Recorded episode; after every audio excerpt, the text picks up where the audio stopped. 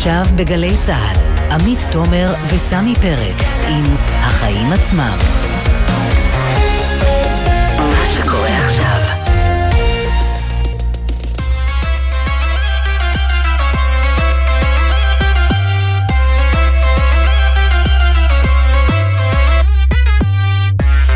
עכשיו שש וחמש דקות, אתם על החיים עצמם, התוכנית הכלכלית-חברתית של גלי צה"ל.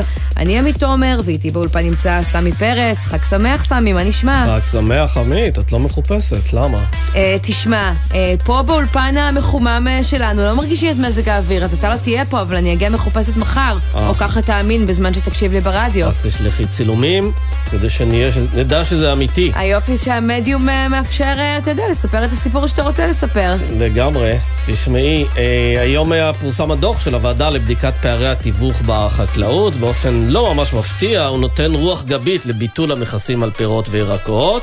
זה המהלך שהחקלאים רואים כמעט כסוף החזון הציוני, ואילו שרי האוצר והחקלאות רואים כבשורה לצרכן הישראלי. כן, אז נדבר עם הדוקטור רון מלכה, מנכ"ל משרד הכלכלה, שעמד בראש הוועדה שמפרסמת את הדוח הזה, וגם עם דובי אמיתי, יושב ראש התאחדות האיכרים בישראל, שאיך לומר בעדינות, לא מסכים עם הממצאים. וטוען שהדוח הזה לא משקף את המציאות. אז אחרי ההחלטה להגדיל משמעותית את מספר הפליטים שמגיעים לכאן מאוקראינה, אז אה, דברי שר האוצר גם ליברמן, הוא אומר שאם כך לא יהיה מנוס מ... פשוט לבנות אותם, לבנות להם קרוונים. אנחנו נדבר עם יצרן קרווילות על הפתרון הזה וכמה עולה לנו. כן, ועוד בענייני המלחמה, גם מחירי המלט מתייקרים, וזה עלול לייקר עוד את הדירות ואת החלום של הישראלים לבית משלהם. בפינתנו, למה זה עולה לנו? נביא את מחירון המלט המעודכן ונבדוק עד כמה הרפורמה שהתיימרה לפרק את מונופול המלט אכן הצליחה להוזיל את עלותו. ספוילר, לא הרבה. נעסוק גם בעיר החרדית החדשה כסיף בנגב, שעלתה היום לאישור הממשלה. נבין מה ההשלכות של עוד עיר רחוקה. מה אומרים השכנים העתידיים בדרום? נדבר עם אה, פיני בדש, ראש מועצת עומר. ועוד עניינים כאן אצלנו בארץ, נחשוף קיצוץ מסתמן חדש בקצבאות לעיוורים. במשרד הרווחה אמנם טוענים שעוד אין החלטה מוגמרת, אבל הם לא מכחישים שהנושא הזה על הפרק, והעיוורים כבר מודאגים מהמהלך שצפוי לשלול מהם הטבות של מאות שקלים בחודש. ולסיום, נחגוג את פורים אחרי חג של uh, הגבלות בשנה שעברה וגם בשנה שלפניה.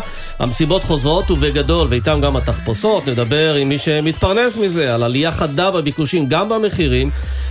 אה, וגם ככה המחירים אצלנו, את יודעת, מאוד גבוהים בתחום הזה בהשוואה לעולם. ולא רק בתחום הזה, אז כל עוד... אה, וזו, ו, ו, כל זאת ועוד, מה שנקרא, אה, בשעה שלפנינו. אבל קודם כל, סמי, מה הכותרת שלך היום? אז זהו, אנחנו נעסוק פה בנושא של מחירי הפירות וירקות, אבל לא רק זה, גם משרד האוצר הודיע ממש לפני שעה על ביטול המכס על יבוא בקר טרי כדי להתמודד עם יוקר המחיה. ולפי ההודעה של משרד האוצר, מחירי הבשר בישראל גבוהים ב-43% לעומת מדינות ה-OECD, לכן ביטול המכס יוזיל את עלויות היבוא ויפחית את המחיר לצרכן, ועל כך אני אומר, כל הכבוד. הללויה. אבל, כן, המכס על יבוא בשר הוא בסך הכל 12 אחוזים. אם הוא יבוטל, עדיין יישאר פער מאוד גדול בין המחיר בישראל למחיר בחו"ל. אחד ההסברים לפערים האלה זה הכשרות. יש הערכות שונות לגבי כמה שווה הכשרות הזאת, זה מוסיף, לפי היבואנים, 4-5 שקלים לקילוגרם, או סדר גודל של נגיד 10% למחיר הבשר. אה, והשאלה מה עושים עם הדבר הזה. יש כנראה עוד עלויות שקשורות להובלה, לרגולציה. להתעסקות מול הממשלה בכל הדבר הזה. אה, אבל עכשיו אנחנו צריכים לראות מה יקרה. אם מורידים את המכס ב-12%, האם מחיר הבשר ירד ב-12%, או שהיבואנים והמשווקים יגלגלו חלק לעצמם? כן. אנחנו נצטרך לעקוב אחר העניין הזה. ומתי זה יקרה? כי יש עוד שאלה בנושא הזה. אתה יודע, ראינו את אה, שר האוצר אה, כחלון עם כל אה, רפורמות ביטול המכסים שלו. ואני חייבת להגיד לך, באוצר מנסים לשדר לנו שביטול מכסים עובד ומגיע לנו לכיס. לפחות אז, שנה אחרי שהרפורמה הזאת הוכרזה, כשבדקת את המספרים, ראית שהמחירים כמעט לא השתנו. אז זה תהליכים ארוכים, הם לוקחים זמן, הם לא אמורים לקחת זמן. כלומר, לדברים לוקח זמן להסתגל, ולא... לא מספיק להוריד מכס, צריך לעקוב טוב טוב על מה קורה למחירים, כן. ואם לא, אז כמו שבאמת נתנו את ההקלה הזאתי, לדעת לעשות את המהלך ההפוך. לא, הורדת מכסים זה דבר מצוין, אבל אם זה לא מתגלגל לצרכן, זה אומר שהשוק הזה הוא לא תחרותי, וצריך לוודא שהוא יהיה תחרותי. אה, מה הכותרת שלך, עמית? אז בעניין אחר לגמרי, עובדי ניקיון הגיעו היום לקריית הממשלה בתל אביב לקיים הפגנה יחד עם אה, האיגוד של החברות, המעסיקים, ובשיתוף עם ההסתדרות, נגד שרת הכלכלה אורנה ברביבאי, שעדיין לא אישרה את ההסכם ביניהם, שאמור להעלות את שכר המינימום אצלם בשישה שקלים לשעה, מפחות uh, מ-30 שקלים ל-35. אנחנו דיברנו על זה כאן כבר בתוכנית. יש פה עניין אדיר שכל הצדדים יושבים יחד ומסכימים. השכר של עובדי הניקיון חייב לעלות ולעלות דרמטית, ואת האידיליה הזאת כרגע תוקעת רק המדינה, אולי בגלל שגם היא מעסיקה עובדי ניקיון רבים בשכר מינימום, ולא מתאים לה לאשר הסדר שיחייב להוציא על זה יותר. אבל ההתעלמות הזאת של השרה ברביבאי, בעיניי רק מחזקת את המעמד של עובדי הניקיון כשקופים. הנושא הזה נסחב כבר חודשים בהליכי רישום, אושר פרוצדורות, ואני לא יודעת אם זה בכוונה מחוסר אה, רצון, או פשוט מעודף אה, בירוקרטיה כבדה מדי, אבל כך או כך מגיע להם כבר יחס אה, ומענה, ואני רוצה לספר לך עוד סיפור קטן שממחיש עד כמה העובדים האלו שקופים. באוניברסיטת תל אביב, אחרי מאבק של שנים מול המנקות, שמועסקות שם כעובדות קבלן, מצאו חצי פתרון. להעסיק אותם, אבל דרך חברת בת, מהלך שעדיין ישאיר את עובדי הניקיון בעמדה נחותה מהיתר, אבל לפחות תהיה כאן איזשהו uh, שיפור. אז בעוד יומיים אמורה להתקיים uh, פגישה, uh, לראשונה מזה המון זמן, בין האוניברסיטה למנקות. עכשיו גילוי נאות, אני סטודנטית באוניברסיטת תל אביב. תשמע מה שלחו לנו היום בקבוצת הוואטסאפ של הסטודנטים, זה פשוט רץ בוואטסאפ, בקשה לעזרה לקראת הפגישה הזאתי, היא ראשונה מזה שנים, היא חשובה וכולי, אבל לא מתוכנן תרגום לערבית או לרוסית, למרות שאלו אלו השפות שאותן העובדות אה, דוברות. אז האם יש דוברי אה, ערבית או רוסית בקהל שיכולים להתנדב אה, ולהגיע, ובאוניברסיטה מאשרים את זה ואומרים שזה סוכם עם הסטודנטים, ושהם אמורים למצוא לזה מתרגמים ופתרון כדי להסביר את העניין, וזה על זמן העבודה שלהם. אבל אני חייבת להגיד, רבאק, אתם באמת, אתם עושים פגישה כזאת, אתם גם ככה נראה שרק חוסכים איפה שאפשר. תביאו בן אדם שמדבר בשפה שלהם, אל תהפכו את זה למשהו שיקרה אם יימצא הבן אדם המתאים ובהתנדבות. אה, כי שוב, זה הופך את עובדי הניקיון ללא צד בחדר אה, ולשקופים. כן, ואז תהיה בעיה ותהיה איזו אי-הבנה, והם יגידו שזה נפל בתרגום. שזה לא ייפול בתרגום, תדאגו גם לעניין הזה. בדיוק. נתחיל? נתחיל.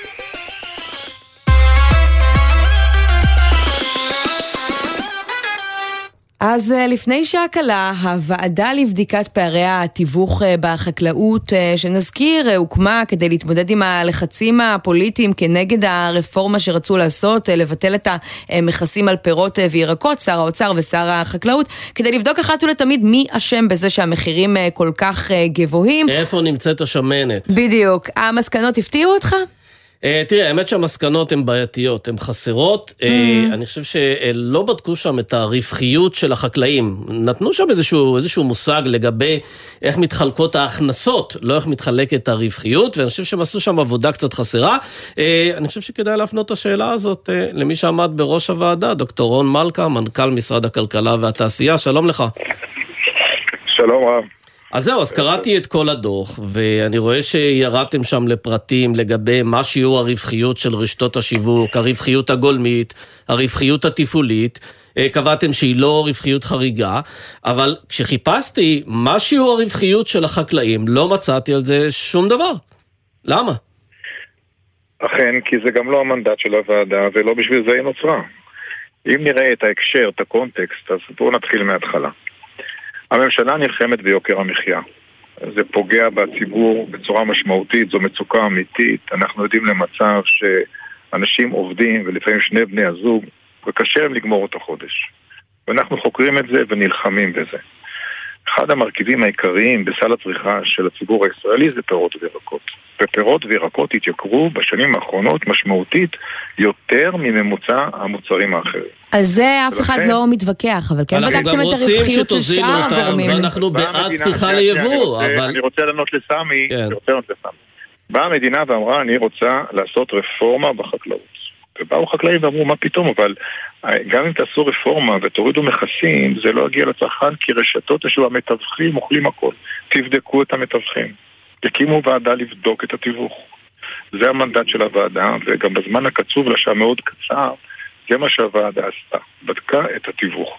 בדקנו מה התרומה למחיר של כל אחת מהחוליות, מה הפדיון של החקלאים, הפדיון של המתווכים, בין אם זה סיטונאים וקמעונאים, כי גם על זה היה ויכוח על העובדות, וגם מה הרווחיות של המתווכים. כי היו לחקלאים הרבה טענות נגד המתווכים. Mm. ואנחנו בדקנו את הטענות, ומה שמצאנו זה שבחלק מהמקומות החקלאים צדקו, ובחלק לא צדקו. וכשרוצים לעשות רפורמה, וזו עמדתנו, רפורמה צריכה להיות כוללת. היכן הם צדקו לא בנוגע לקמעונאים? אף אחד לא רוצה לפגוע בחקלאים, להפך, זו הזדמנות אולי לחזק את החקלאות, כי המדינה... כן, אתה יכול רק להגיד לנו, רון מלכה, איפה הם כן. צדקו בנוגע לקמעונאים, לטענות שלהם כלפי הקמעונאים? שיש, אנחנו זיהינו פרקטיקות מסחר שמחשקות את החקלאים ופוגעות ביכולת שלהם למצות את השווי של התוצרת שלהם. כל מיני פרקטיקות, פרקטיקות מסחר כמו שימוש בארגזים מאוד ספציפיים לכל אחת מרשתות השיווק שלא ניתן לעבור בין לבין. הכתבה של מחיר, הכתבה של אה, אה, הנחה. אה, הכתבה אה, של איכות, כלומר הם באים ואומרים להם זה איכות סוג אה, א' או ב' כן, או ג' ואי אפשר לערער על כך. זה של החקלאים שאנחנו, כן, נחשפו בפנינו ואנחנו, עכשיו זה דוח ביניים, אנחנו מתכוונים לבדוק אותן לעומק ובסוף, בדוח הסופי של הוועדה, אנחנו גם נמליץ מה צריך לעשות רגע, כדי אבל... לייעל את המסחר, להגדיל את התחרות בשוק. כדי באמת שהמחיר לצרכן יהיה יותר נמוך. אבל לפי מה שאתה אה, אומר, אז אה, בעצם אם כל הדברים האלה היו מתקיימים ולחקלאים היה יותר כוח, אז גם המחיר לצרכן היה אמור רק לעלות. לא, לא, לא, להפך. אם באמת יש תחרות יותר גדולה בשוק, אם פער התיווך של הרשתות הוא לא מוגזם, ואם החקלאים היה להם יותר כוח על הרשתות לדרוש את מלוא השווי של הסחורה שלהם, אז המחירים היו רק עולים, לפי מה שאתה אומר. לא, אני, עוד פעם, אנחנו, okay. אני אוקיי. מסתכל על כל התמונה. במפגש בין החקלאים לקמעונאים ולסיטונאים מופעלים, כמו שהחקלאים טענו, פרקטיקות מסחר שפוגעות בחקלאי ואולי צריך לשנות אותן. בין, התח... בין הסיטונאים והקמעונאים לצרכן יש מקום להגביר את התחרות. הגברת התחרות תגדיל את היעילות ובהכרח תוריד את המחיר לצרכן. כשאני בא ואומר שהרווח הממוצע של סיטונאי או קמעונאי הוא כמו במקומות אחרים בעולם, זה רק חלק מהתמונה. רק אם תהיה תחרות מלאה, אני אוכל לדעת שבאמת גם העלויות שלו הן עלויות מינימליות ולא מוגזמות. בהחלט יכול להיות שקמעונאי מרוויח רק 4%, אבל אולי הוא משלם הוצאות מיותרות ואולי עלויות שלו גדולות מדי. זה יכול להיות נכון גם לגבי החקלאי ויכול לגבי הסיטונאי. רק תחרות אמיתית תיתן לנו ביטחון שאכן יש יעילות. ולכן... עכשיו, אגב, כשאתם אומרים שלם. שהנתח של החקלאים באירופה, במחיר של מוצרים, של פירות וירקות, הנתח שלהם הוא נמוך יותר מזה שבישראל, אתם קצת מתעלמים מהעובדה שבאירופה יש סבסוד ישיר כבר של החקלאות, מה שאתם מנסים לעשות כאן. אנחנו לא מתעלמים, אנחנו בגילוי נאות ומלא. אנחנו אומרים שההשוואה הזאת היא מורכבת, היא בעייתית, שיש לה כמה חסרונות. לא רק זה, סמי, זה אפילו יותר מזה. בחלק מהמקומות באירופה, הנתח של החקלאי מוצג רק כנתח הגידול. ולא ההובלה, מיון, שטיפה, אריזה וכולי, הבחלה לפעמים, שזה עלויות גדולות, שבארץ לא ניתן להפריד אותן, ובחו"ל הם עושים הפרדה כי זה קואופרטיבים ויש על זה גילוי מלא. ופה לא. ואנחנו את כל ההסתייגויות האלה שמים. וצריך לקרוא בעיון את הדוח ולא לקפוץ למסקנות. אני לא יודע למה אנשים ישר קופצים ואומרים שכאילו הוועדה מצאה את החקלאים אשמים, ממש לא. ממש ממש לא. אנחנו אומרים שצריך פה משהו כולל. בחלק מהדברים, למשל הטענה שהפדיון של החקלאים אני חושבת שאתם פשוט מכשירים את הקרקע בסופו של דבר למהלך שהחקלאים מרגישים שפוגע בהם, לא מהלך שהוא בהכרח לא, לא, לא, לא צריך לקרות, מהלך שהוא טוב לצרכן הישראלי. סליחה עמית, בואו נשים את הדברים בקוטקסט הנכון. הממשלה אומרת, אנחנו רוצים להסיר חסמים עקיפים שיוצרים עיוותים, אבל אנחנו רוצים לתת תמיכה ישירה. וכל הוויכוח על מה גודל התמיכה הישירה. אף אחד לא רוצה לפגוע בחקלאות, החקלאות זה דבר חשוב, זה ערך חשוב, יש פה שימור של ביטחון מזון, ועל זה יש קונסנזוס. כל הוויכוח הוא רק מה צריך להיות גובה התמיכה הישירה. כן, תגיד לי, אבל מיני... אה, אה, דוקטור מלכה, אה, כן, אם כן, עכשיו כן. אומרים לך שהרווחיות של החקלאים היא חמישה אחוז, בדומה להגיד לרווח של הקמעונאים, ארבעה אחוז, אתה עדיין הולך על פתיחת השוק הזה ליבוא ומסיר את המכסים? או שאתה אומר, לא, אם זה הרווחיות, אז אין לי מה אה, להתעכב על זה. תראה, אני קודם כל לא יודע להגיד מה הרווחיות, ואם אני ככה אלך באמת על השאלה ההיפותטית שלך, אני חושב שהמהלך צריך להיות מהלך שלם, של מצד אחד הורדת מכסים, אבל מתן תמיכה ישירה למי שחשוב לנו לשמר. מי כמוך סמי יודע שכשאתה אה, אה, עושה הגנות אה, רוחביות, היקפיות, אתה מגן גם על כאלה שלא התכוונת להגן, ואתה יוצר עיוותים בשוק. הדרך הנכונה היא לתת תמיכה ישירה, לחזק את החקלאות, שהיא מאוד חשובה, אבל לחזק רק אותה ובצורה ממוקדת. וזה יהיה שימוש נכון בכספי ציבור. בסוף, על זה הוויכוח. אף אחד לא אומר לחקלאים אנחנו רוצים לפגוע בכם. כל הוויכוח הוא מה יהיה גובה התמיכה הישירה כתוצאה מזה שמסירים חסמים שמעוותים את השוק. תגיד, אתה אומר... וכל ניסיון להציג את זה אה, בצורה אחרת הוא פשוט מניפולציה. זה מה שאנחנו אומרים. כן לתמוך בחקלאות, כן לחזק אותה, יש פה הזדמנות לחזק גם את הייצור החקלאי שהפסדנו להרבה מאוד מדינות. כן, צריך, החקלאות צריכה להשתכלל, להתחדש, היא כבר חדשנית ומובילה בטכנולוגיה שלה, אלא שזה לא מגיע לכל החקלאים. כן, ועדיין, כן שוב, אם תשאל את החקלאים, אה, כן. האנשים כן. שלהם זה נוגע, זה מה שהם יגידו. ואני רוצה לשאול אותך, כי אתה כן אומר, זה דוח אה, ביניים, בסוף אין לנו פה תנועה, תמונה מלאה. לא בדקנו את כל הדברים, עשינו את זה בזמן יחסית אה, קצר. עד כמה הופעלו עליכם לחצים מהדרג הפוליטי? אולי לזרז את פרסום הדוח הזה, אה, גם אה, במחיר לא, לא, של לא, לבדוק לא. רק חלקים מסוימים בתמונה? לא, לא, ממש לא. אנחנו פרסמנו את כל הממצאים. הרי בסוף יש משא ומתן בין המדינה לבין החקלאים, והיה ויכוח על העובדות. והחשיבות הגדולה של הפרסום של הממצאים עכשיו היא בזה שלפחות יש פה עובדות מוצקות אחרי מחקר מקצועי, כן. אקדמי מלא, כי היו הרבה כאלה שלא היו... אז מה עוד חסר לדוח הזה כדי להיות uh, סופי? אה, המלצות, מה לעשות כדי להגדיל את התחרות, את היעילות, זה מה שחסר. אנחנו הולכים לבדוק את הפרקטיקות, כן. מה זה כל מיני מחירונים שגילינו, כל מיני שיטות מסחר שהם אולי צריך לחדש אותם. ו- כן. ו- ו- אגב, אחת ההמלצות שמופיעות שם, אה, המלצה של הקמעונאים, של רשתות השיווק, זה להטיל מע"מ של אחוז אחד על, אה, על, ה, על פירות וירקות, כדי שחלק גדול מהענף הזה, שהוא ענף לא מדווח ושיש בו הלבנות הון וכסף שחור, שפשוט כל הענף הזה יהיה ענף מדווח ואז יקטנו הלבנות ההון. האם אתם תנסו לקדם את העניין הזה? אנחנו בהחלט נבחן את זה, או אפשרויות אחרות לגילוי נאות של איזה עסקאות יש, כי הטענה היא שכתוצאה מזה שאין מע"מ, והדיווחים למע"מ הם דיווחים מאוד uh, טובים ויעילים, אז אין שקיפות למה שמבוצע. שקיפות של העסקאות צריכה להיות. האם דווקא דרך העלאת מע"מ או משהו אחר, אני לא יודע. אני בהחלט מסכים שצריך לוודא שיש שקיפות מלאה של העסקאות. מספרים לי שאם אתה מגיע לשוק הסיטונאי ואתה רוצה לקנות שם פירות וירקות, אתה לא צריך לבוא עם כרטיס אשראי, אתה רק צריך לבוא עם ערימת מזומנים.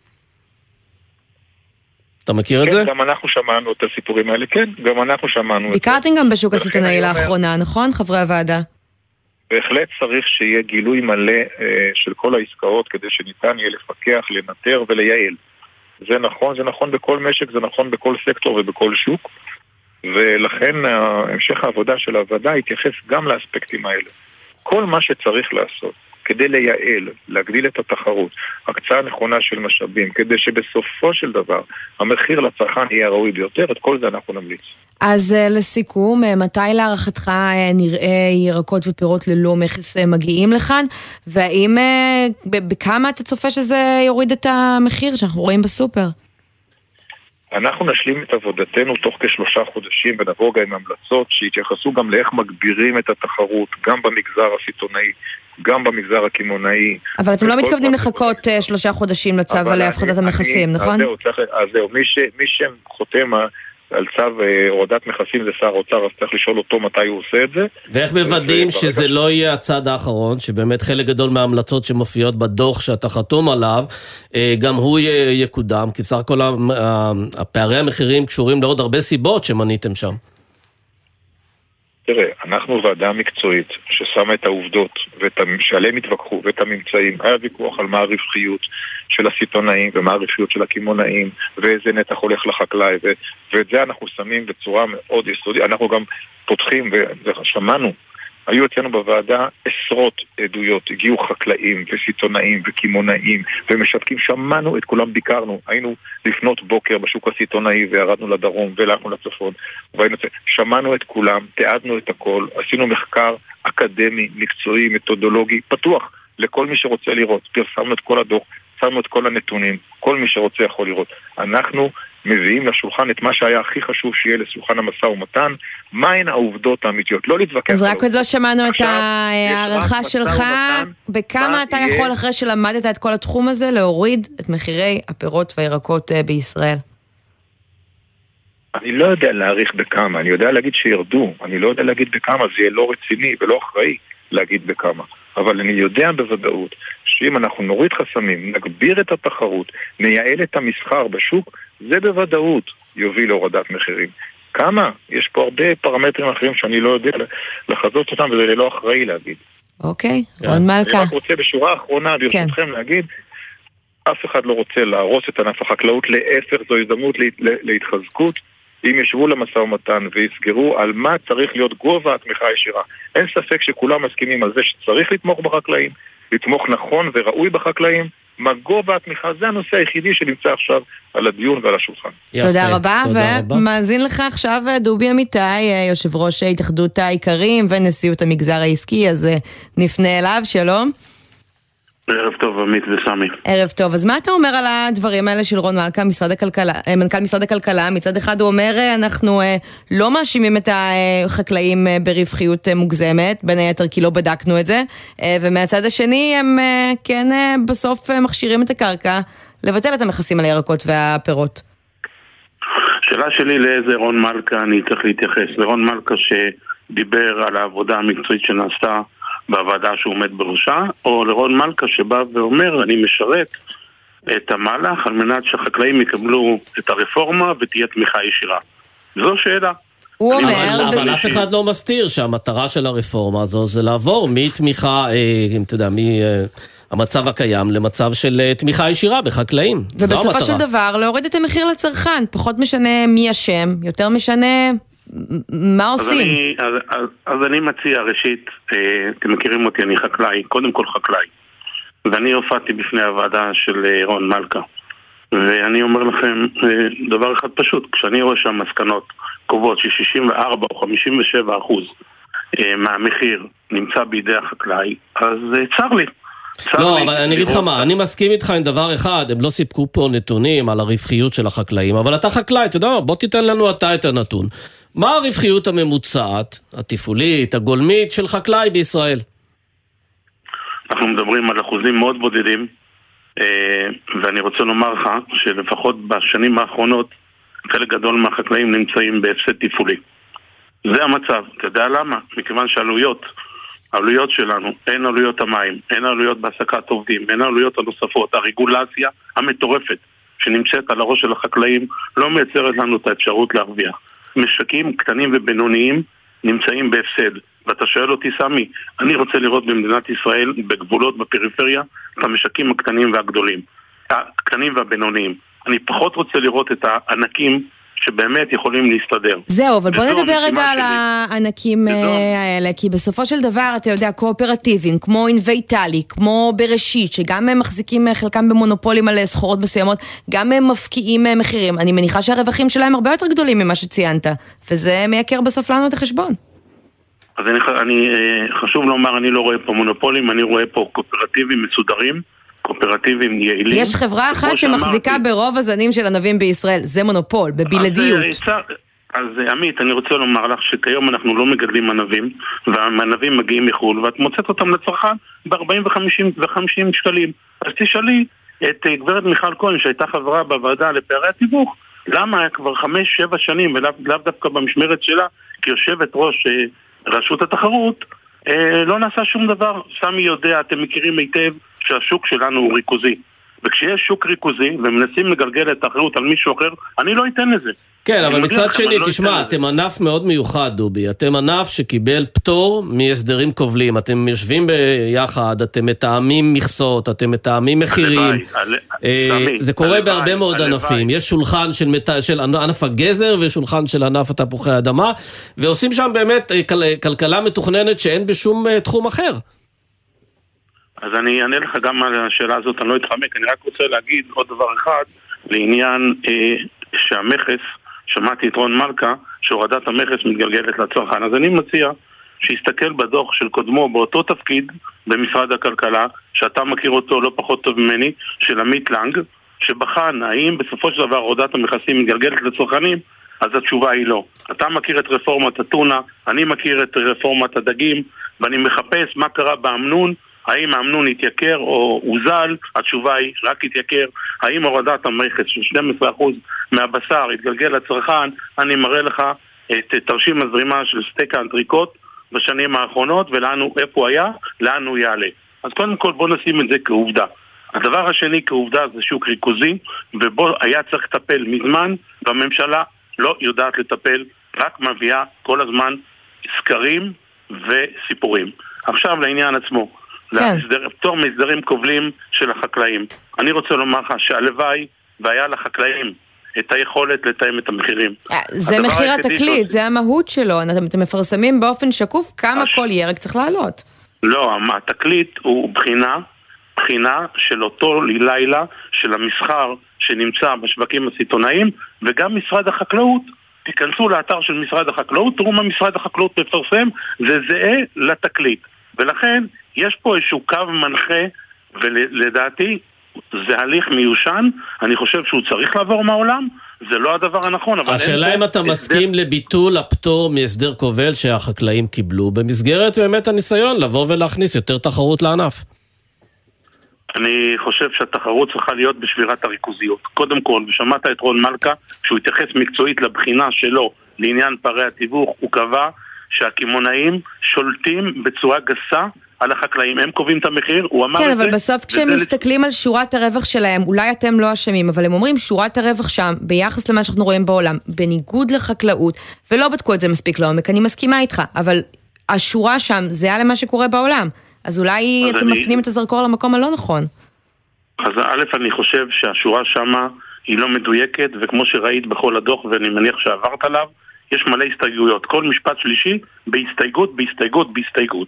לגופו של עניין, הרווח הגולמי שאנחנו רואים בחלק גדול מהרשתות אשר מדווחות לרשות לניירות ערך הוא למעלה מ-30 אחוז. באירופה מדובר בסדר גודל של 22-23 אחוז רווח כן. גולמי. רק כדי לסיים את, את העניין הזה עם מה שקשור בכם, בעצם המאבק שלהם הוא על גודל הסבסוד הישיר שתקבלו מהממשלה. כלומר, אם הממשלה מגדילה את הסבסוד, אז אתם מקבלים את המתווה ומסכימים לא. לפתיחת התשובה... הענף לתחרות וליבוא? לא, לא, התשובה היא לא, ותרשו לי עוד דקה אחת מזמנכם. התוכנית שהגיש לנו האוצר, התוכנית שהגיש לנו האוצר, העברנו אותה במודל אובייקטיבי של שני פרופסורים מהטובים שיש לנו, פרופסור פינקלשטיין ופרופסור עידו מהאוניברסיטה העברית. המודל הזה יודע לבחון את השפעות הורדת המכסים הן על הצרכן והן על החקלאי. וזה מודל ייחודי שחלק גדול ממדינות העולם בוחנות אותו ומעבירות דרכו כל מיני רפורמות. והשורה התחתונה שלו, כי אנחנו מוכרחים לסיים. תחתונה, שורה תחתונה, התרומה של הרפורמה הזאת היא 40 שקל למשפחה בת חמש נפשות, נפשות בממוצע בחודש, ומצד שני, הורדה של הפדיון החקלאי ברמת הגולן ב-60%, בגליל ב-50%, בעוטף עזה ב-40%. Okay. אני הצגתי את הנתונים האלו לשר האוצר ולשר החקלאות, אותי, אותנו לא קונים בכסף, אותנו, אנחנו לא רוצים להעביר מ-8 עד 10, 15 אחוז יבוא ל-50 אחוז יבוא, במיוחד לא בימים האלה, שאנחנו רואים מה קורה באספקת מזון מכל העולם. דובי אמיתי, תודה רבה על השיחה תודה. הזאת. תודה לכם, תודה לכם.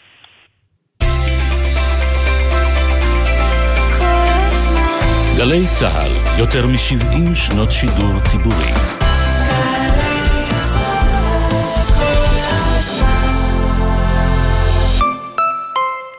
מלאו לך 62? מזל טוב! בעקבות העלאת גיל הפרישה לנשים, הביטוח הלאומי משלם מענק מעבר בסכום עד 4,000 שקלים לנשים בנות 62 בהתאם לתנאי הזכאות. המענק ישולם לתקופה של ארבעה חודשים לכל היותר, מהחודש שבו מלאו לך 62. לבדיקת זכאותך ולהגשת בקשה, היכנסי לאתר הביטוח הלאומי. ביטוח לאומי לצדך, ברגעים החשובים של החיים. שבוע טעימות לתואר ראשון ושני בסמינר הקיבוצים. לראשונה במכללה. נכנסים לשיעור, מתנסים, ורק אחר כך נרשמים. מ-20 עד 24 במרס. לפחתים, התקשרו כוכבית 8085. סמינר הקיבוצים, המכללה המובילה לחינוך ולאומנויות בישראל.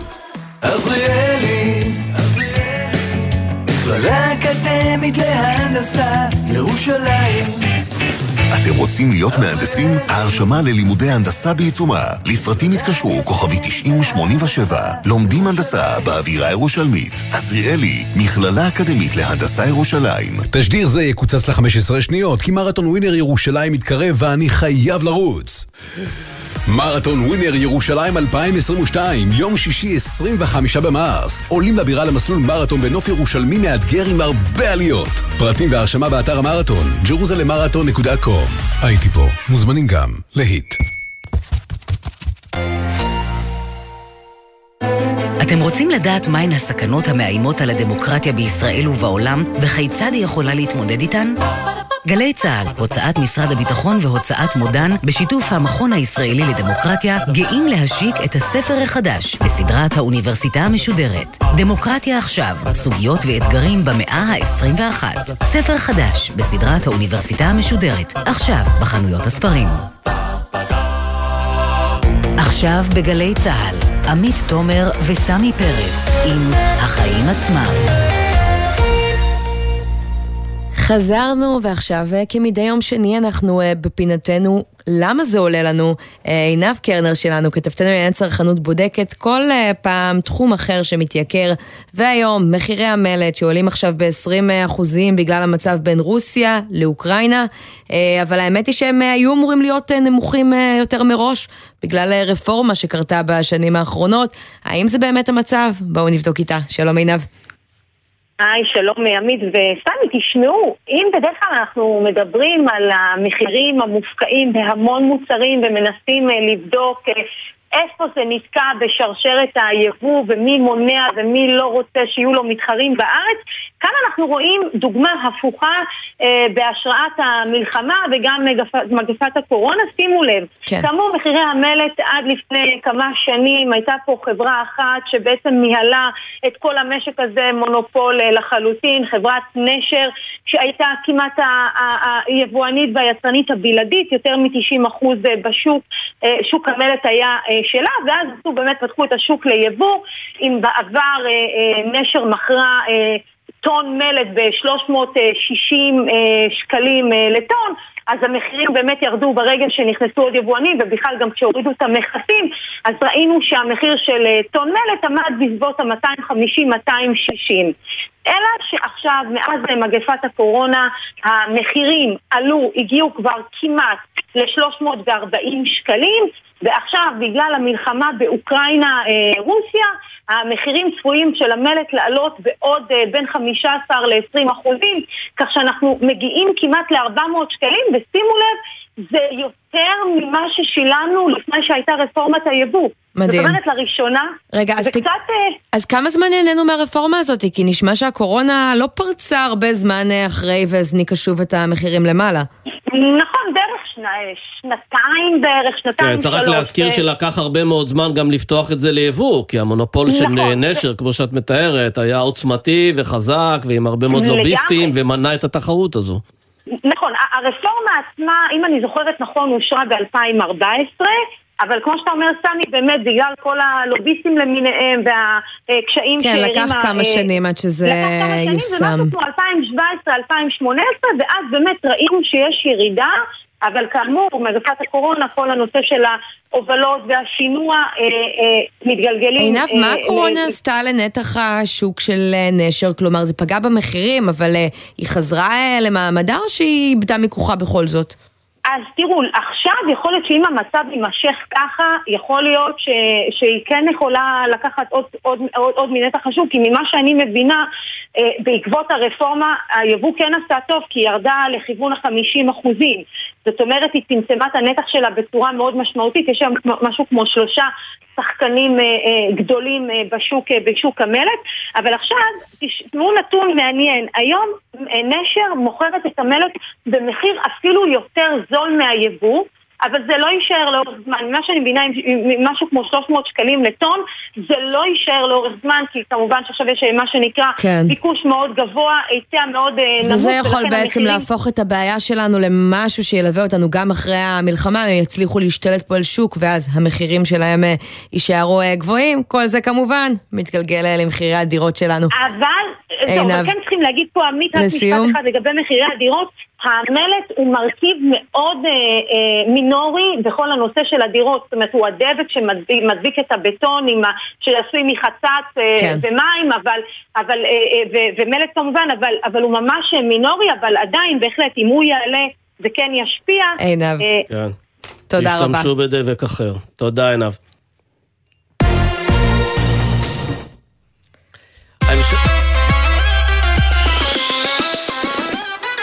כן, זאת לא הייתה אה, מהדורת אה, חדשות, רק טעות קטנה פה בקונטרול, ואנחנו לנושא הבא, סמי. כן, אז זהו, אז הממשלה היום אה, אישרה בעצם את ההקמה של העיר כסיף, העיר כסיף בנגב, באזור תל ערד, עיר חרדית שאמורה לכלול מעל 20 אלף יחידות דיור, אמורה לאכלס למעלה מ-100 אלף תושבים, בעיקר חרדים. אישרו גם את הקמת היישוב ניצנה, היישוב יותר קטן של 2,200 משפחות בגבול מצרים. אבל הסיפור של אה, העיר כסיף, אני חושב שהוא יותר מעניין, כי זה בעצם פעם ראשונה שיש עיר חרדית בנגב. ונשאלת השאלה, האם הנגב זקוק לעיר חרדית? אה, כן, ולכל כשאמרו האתגרים ש... ליישב את הנגב ולהפיח בו חיים, לא כן, בטוח לא, שהתכוונו ולכל לזה. האתגרים ש, שמייצרת בעצם החברה החרדית במונחים אה, כלכליים, אה, אנחנו נשאל בעניינים האלה את פי בדש, ראש מועצת עומר, שלום לך. שלום וברכה, אני חושב שהחרדים זקוקים לעיר בנגב. אה, תראו, היום המצוקה של החרדים בכל הערים הגדולות הקיימות, אתם יודעים, אנשים חרדים גרים במרתפים, גרים בחניות, גרים במקומות בלתי סבירים כי אין להם מקום איפה לגור. והם רוצים לגור בסביבה שלהם, עם האוכלוסייה שלהם. ולכן, אני כחבר ועדה מחוזית כבר 20 שנה, לפני חמש שנים אגב העיר כבר אושרה מבחינה סטטוטורית במוסדות התכנון וההתקדמות של ההקמה של העיר נתקעה בזמנו על, בגלל סירובו של אה, ליצמן. כן, אבל אה, תראה, להקמה הסירוב של- שלו קשור באמת לעובדה. שהחרדים לא יושבים בנגב, הוא לא רוצה להרחיק אותם מהאזור, אבל אני רוצה לשאול אותך דווקא בתור אה, קודם אחד כן מפרנסי הנגב, לא, לא, אבל דווקא אני רוצה... מתושבי ערד הם חרדים. כן, אני רוצה לשאול היום. אותך, על, אתה יודע, בכל זאת, החברה החרדית יש לה מאפיינים מאוד ייחודיים, שיעור אה, תעסוקה מאוד נמוך, אה, הרבה ילדים במשפחה, ממוצע שבעה ילדים במשפחה, ואוכלוסייה כמובן ענייה, חצי מהחרדים הם עניים, והשאלה, אה, אם נכון להביא כל כך הרבה אנשים עניים, שרובם גם לא עובדים לנגב, זה משפר את מצבו של הנגב? קודם כל, אוכלוסייה יהודית, אה, עיר יהודית ואוכלוסייה יהודית בנגב משפר את מצבו של הנגב בכל מקרה. עכשיו, המיקום של העיר, של העיר כסיף היא בתל ערד, בצומת תל ערד, שזה הייתה התנגדות של, של הירוקים, והייתה התנגדות של החברה להגנת הטבע, וכל מיני גופים כאלה, שאמרו זה מפריע לנוף. על איזה נוף מדברים? זה שטח פתוח, שכולו נשלט היום ומשתלטים על הקרקעות האלה. אז זהו, אז בוא נודה. באמת, פיני בדש, התמיכה... הבדואים התנגדו, כי לא, אמרו אבל- זה קרקע שלהם. כן, אבל פיני בדש, שלהם. בוא נודה באמת. אתה בעצם תומך בהקמת העיר הזו, כי אתה בעצם רוצה, כמו הממשלה, למנוע את ההתפשטות של הבדואים לשטחים נוספים. אבל האם זה הוגן להביא אוכלוסייה חדשה רק פה- כדי לתפוס שטחים, בלי לתת לה תעסוקה, הרבה- חינוך, תרבות? הרבה מרכיבים, יש פה הרבה מרכיבים שיהיו של הצלחה. אחד, זה נכון, למנוע השתלטות על קרקעות. שתיים, לפתור בעיות מגורים קשות שיש למגזר החרדי. ג', זו עיר שתחיה ותהיה תוססת, כי היא תיצור מקומות עבודה, והמרחק היום עם הכביש 31 שהוא ארבעה נתיבים מכסיף לבאר שבע הוא בין עשר לרבע שעה. אבל זה הציבור שאתה, אה. פיני וזה זה הציבור חרדים שאתה... יותר צעירים, רגע, תנו לי רגע, זה חרדים יותר צעירים, משפחות יותר צעירות שיגיעו, שחלקם כבר שינו את האופי, הם הולכים למסלולי העבודה, הם מצטרפים למעגלי העבודה. זה ההפך, זה ייתן את השינוי להוציא את הגטו הישן והזקן והבלתי עובד שישנם בערים מסוימות, זו עיר תהיה יותר צעירה, יותר אבל תשמע, הנתונים מראים, פיני לעבודה, בדש, אתה תצטרך לנו גם להכניס שאלה. הנתונים מראים שלמרות כל מה שאתה אומר, שיעור ההשתתפות אה, בקרב אה, גברים אה, חרדים הוא מאוד נמוך, הוא עשרות אחוזים פחות מבשאר האוכלוסייה. אין לכם חשש כזה שבסופו של דבר זה יותר לא, ישית עלויות חושב- מאשר יפתח את ה- את הנגב ואת האזור? לא. אני, אני מהאנשים היותר אופטימיים, וכשהייתי בחלק מהוועדה הזו שאישרה את היישוב הזה, וכשבאר שבע התנגדה, אמרנו, אין בעיה, בואו נשים לכם שכונה גדולה מאוד בבאר שבע. אמרו, לא, לא, לא, לא, לא, בסדר. אז אני אומר לכם, שמי שיגיעו לשם זה יותר משפחות צעירות של חרדים שהם כבר נמצאים בדור אחר זה אנשים שיותר באינטרנט, זה אנשים יותר שבכיווני עבודה זה אנשים יותר שירצו לעבוד וגם הנשים רוצות לעבוד, אנשים בדרך כלל, נשים עצמם בדרך כלל עובדות, אין ספק. נכון, יהיו כוללים, יהיו בתי כנסת, יהיו הכל, אבל זו אוכלוסייה צעירה שאני אומר לכם, זה השינוי אגב. זה הכיוון, זו העיר שתעשה את השינוי במוס... בצורה, במוסר העבודה ובהשתתפות בעבודה. תכף תגיד שזה גם העיר היחידה. שיהיו בה לימודי ליבה בחברה החרדית. יכול להיות שכן, אני אה, לפי מה שהם אה, עכשיו אה, מטפלים. בעניין הזה. אני מהאופטימי, ואני אומר לכם, תראו, זאת עיר. של הצלחה ותהיה עיר תוססת ותהיה עיר מצוינת וטוב לנגב וטוב לכולנו. פיני בדש, אנחנו אה, נעקוב, ראש מועצת תומר, תודה רבה. בבקשה.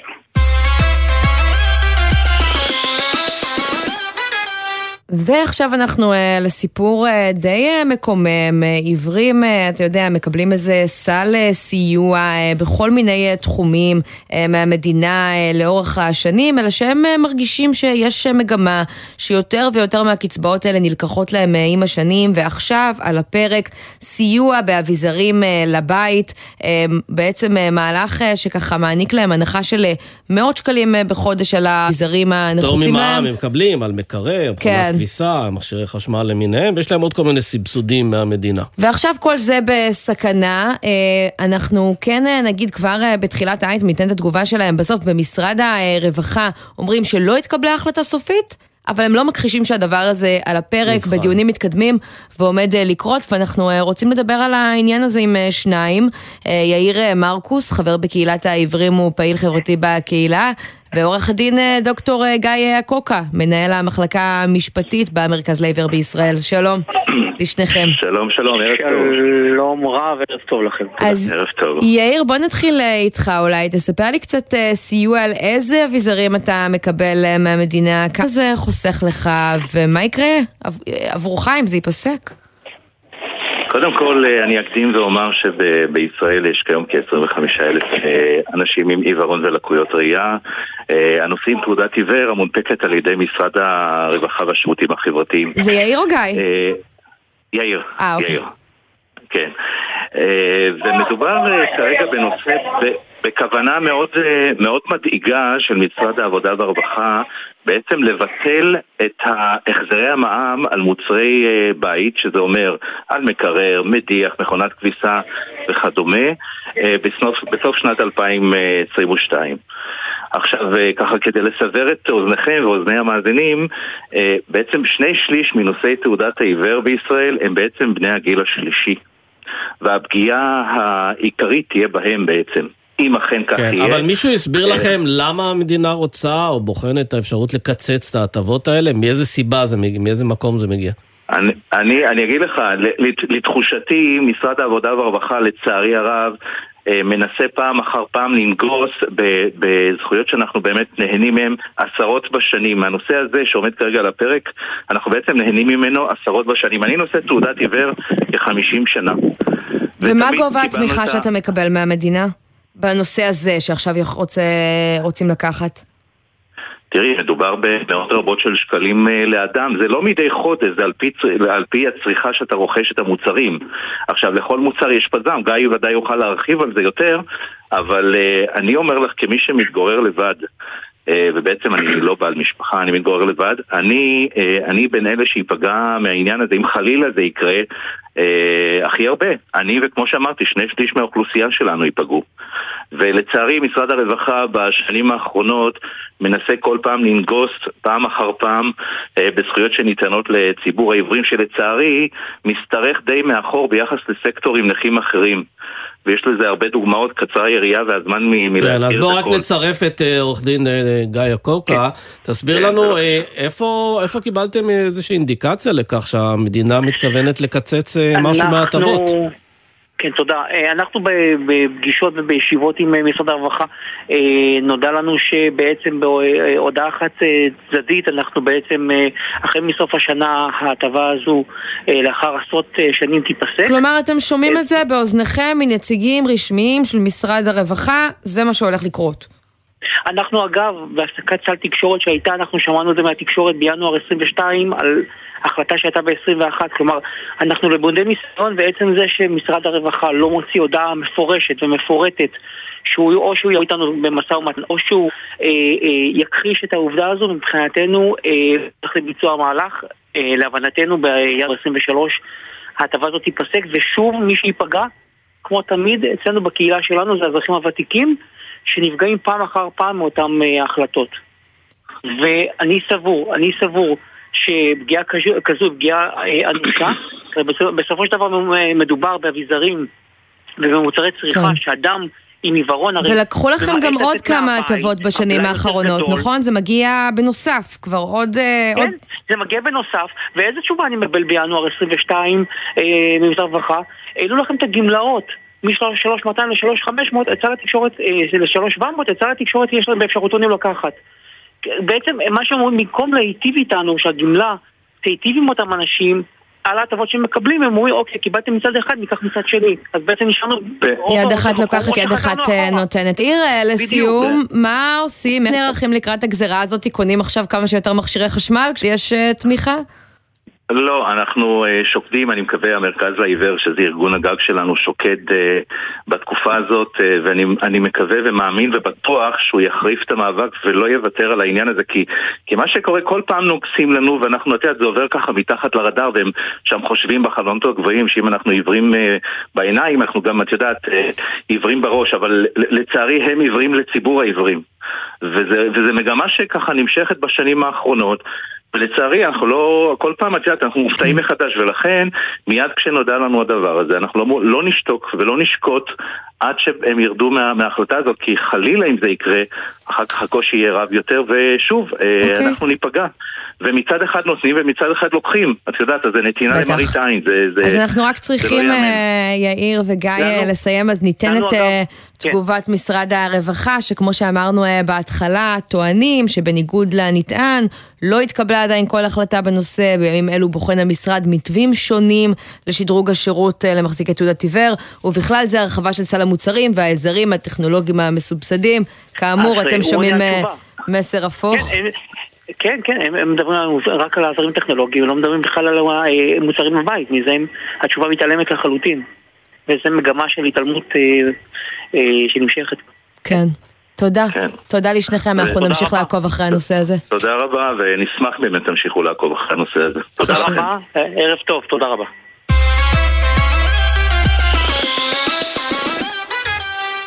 סמי, כן. חג פורים, חג פורים. חג אה, גדול לילדים ולא רק, למה אתה לגמרי. מתחפש השנה? אני עדיין לא, אה, לא החלטתי, אבל אנחנו בוחנים אפשרות, ואני לא רוצה לעשות פה ספוילר, לקנות צבע שיער בצבעים כחול וצהוב, תנחשי למה? כדי להיות... כדי להזדהות עם... עוד עם, עם אוקראינה, אוקיי, בדיוק. אני מודה שהאסוציאציה הראשונה שלי הייתה מכבי, אבל כן, אני לא, לא, אה, איזה מכבי, אני לא קשורה מכבי, ל- לאירועים האקטואליים. אה, בסדר, טוב, אז אה, בואו אה, נפנה עכשיו אה, למי שהרבה מה... מתפרנס מזה, כן. בדיוק, שי אה, קלו, בעלים של אה, מחסני אה, טוי דיפו, שלום. שלום, ערב טוב, מה נשמע? בסדר גמור, בוא תספר לנו, לא כל יום פורים באמת, ולא כל שנה פורים, כי בשנתיים האחרונות היה, היו תקופות קשוחות עם הקורונה, אבל אתה רואה שוב את הקונים מסתובבים חנויות, מחפשים תחפושות וכבר אה, מוותרים על הקניות אונליין? אה, הרבה פחות באונליין, מה שכן, מה שאנחנו שמים לב שבעלי חנויות עם חיוך על הפנים השנה, להבדיל משנים קודמות, שהיה לנו את הקורונה, וכן, האונליין אה, פה בארץ. אני לא מדבר על האונליין שקונים באתרים מחו"ל. ואולי גם יותר אה, מתחפשים באופן אה, כללי, שי, עכשיו שהמסיבות חוזרות, מקומות פתוחים, מה שלא היה לנו בשנה שעברה, נזכיר, היה ממש עוצר פורים בערב פורים.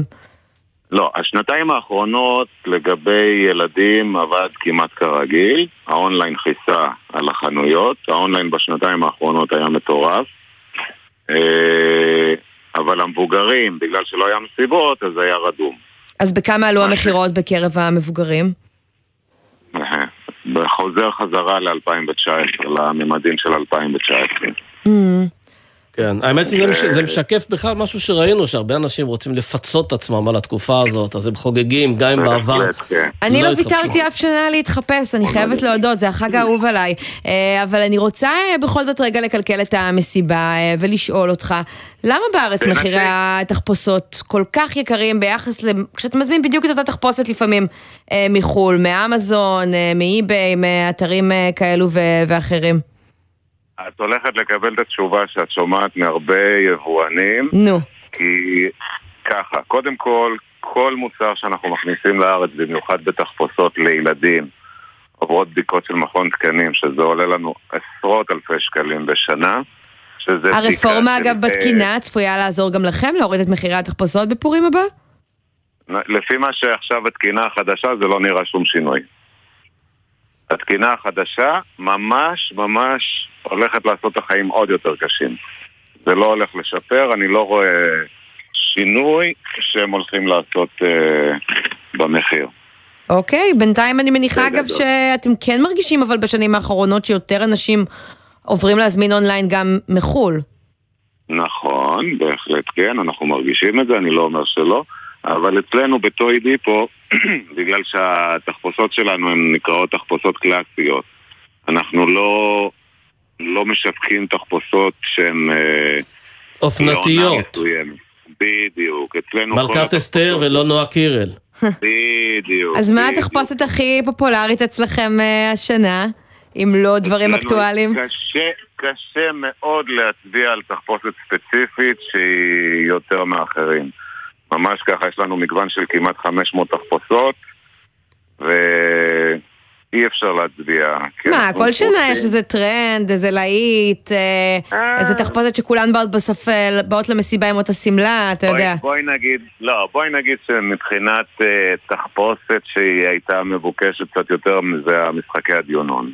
כן. אה, עמית זה פשוט רוצה. לברר כדי לדעת למה לא להתחפש, היא רוצה להיות מקורית. בדיוק. אה, אני מבין, תייצרי לעצמך משהו באופן עצמאי. אני אומרת לגנוב את ההצגה, אבל אני אעדכן ביום ראשון. טוב, אה, שי קלו, שיהיה לך חג שמח ומכירות אה, טובות. תודה רבה, שמחתי לדבר.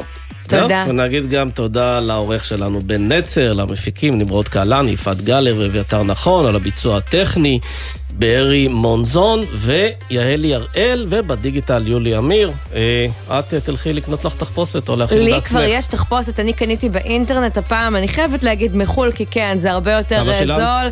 אה, וואו, אני לא יודעת להגיד עכשיו בשלוף, אני גם קניתי. תחפושת לי, לבן זוג ולכלב, אז... אבל מחר ניתן את התשובה פה בתוכנית, מחר יהיה כאן לצידי שי ניב, ונמשיך לחגוג את פורים ולגעת בעוד עניינים כלכליים וחברתיים. אז אה, תבואו, סמי פרץ, תודה רבה. תודה, עמית תומר.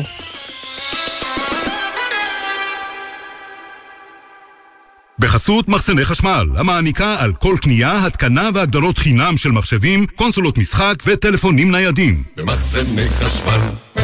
בחסות הפניקס סמארט, המעניקה עד 45% הנחה בביטוח המקיף. כוכבית 5, 4, 3, 2. או חפשו הפניקס סמארט בגוגל. כפוף לתקנון המבצע, הפניקס חברה לביטוח בע"מ. בחסות חברת לבנת פורן, המציעה סיוע של צוות רופאים ומומחים גם בתהליך קבלת פטור ממס הכנסה. כוכבית 2468.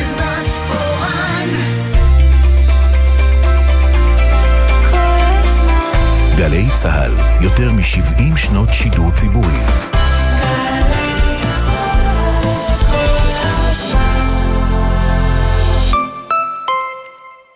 יוצאים לטיול? לבדוק מה מזג האוויר? זה א' ב'.